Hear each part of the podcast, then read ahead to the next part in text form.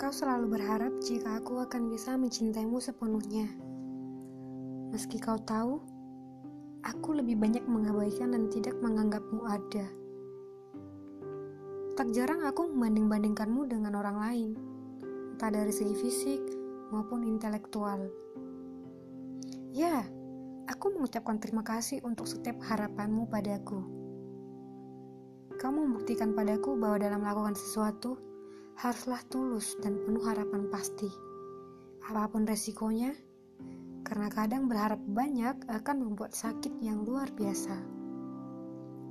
Tapi kau tak peduli itu, Kau begitu optimis bahwa aku pasti akan mencintaimu. Ya, kau benar. Batu yang sangat keras jika diteteskan air terus-menerus, maka akan mengikis dan hancur perlahan. Itu adalah aku. Aku menyerah untuk bermain-main denganmu. Aku menyadari suatu hal.